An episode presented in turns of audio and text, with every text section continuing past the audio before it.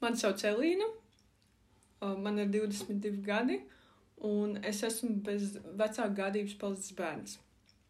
Tas, kas man ir palicis prātā no krīzes centra, pirmā ir, nu, no manis mēģināja visādi tikt vaļā, neviens negribēja iedziļināties tajā, kas notiek.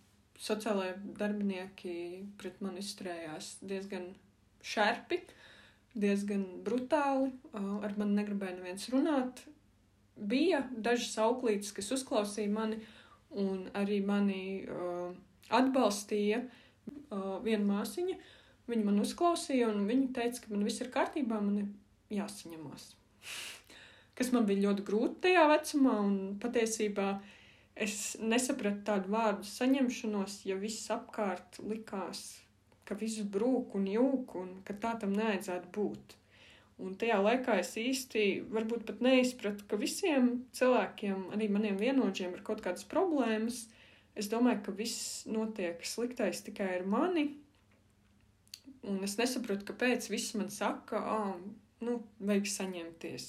Un psihiatrs Gaļazara 17. nodaļā pat man teica, ka es daru sev pāri, jo es vienkārši nevaru pieņemt savu augumu, kam vispār nebija sakara ar to kas man arī ļoti aizvainoja. Man bija tāda sajūta, ka vai vispār kāds manī klausās. Kāpēc es esmu bez vecāka gadījuma palicis bērns? Ir, Atbilde ir ļoti vienkārša. Es piedzimu disfunkcionālā ģimenē, kur mani vecāki pastiprināti lietoja alkoholu. Un es no šīs ģimenes tiku izņemta, kad man bija pieci mēneši. Vecāki mani paņēma savā aizbildniecībā mana bioloģiskā tante, kuras nodzīvoju, pie viņas es nodzīvoju līdz 15 gadu vecumam. Un iemesls, kāpēc es nodzīvoju pie viņas tikai līdz 15 gadu vecumam, ir diezgan uh, interesants, jo uh,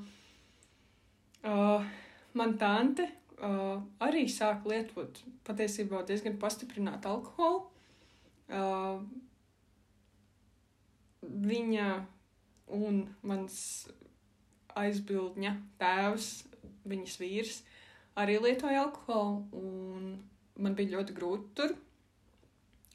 Uh, patiesībā šajā ģimenē es vienmēr jutos atstumta, vienmēr mm, es tiku nostādīta tādā pozīcijā, ka es esmu pieņemta un es neesmu bioloģiskais bērns, um, no kā arī radās tāda problēma, ka es pieķēros ļoti cilvēkiem ir tīpaši, uh, piemēram, skolotājām vai tam pašam psihologam, ar ko es runāju. Un tas radīja ļoti liels problēmas man. Es tiku pieņemta jaunā ģimenē, un šī ģimene deva man atbalstu, uh, uzklausīja mani un deva tādu sapratni uh, un, un cerību un, un drosmi uzticēties cilvēkiem, uzticēt savu bēdu, savu traumu citiem, no kuras es arī daudz ko mācījos, kas man deva dzinuli turpināt uh, savu dzīves gājumu pašai. Uh, tādējādi es iestājos, es pārvācos uz Rīgu. Es iestājos universitātē.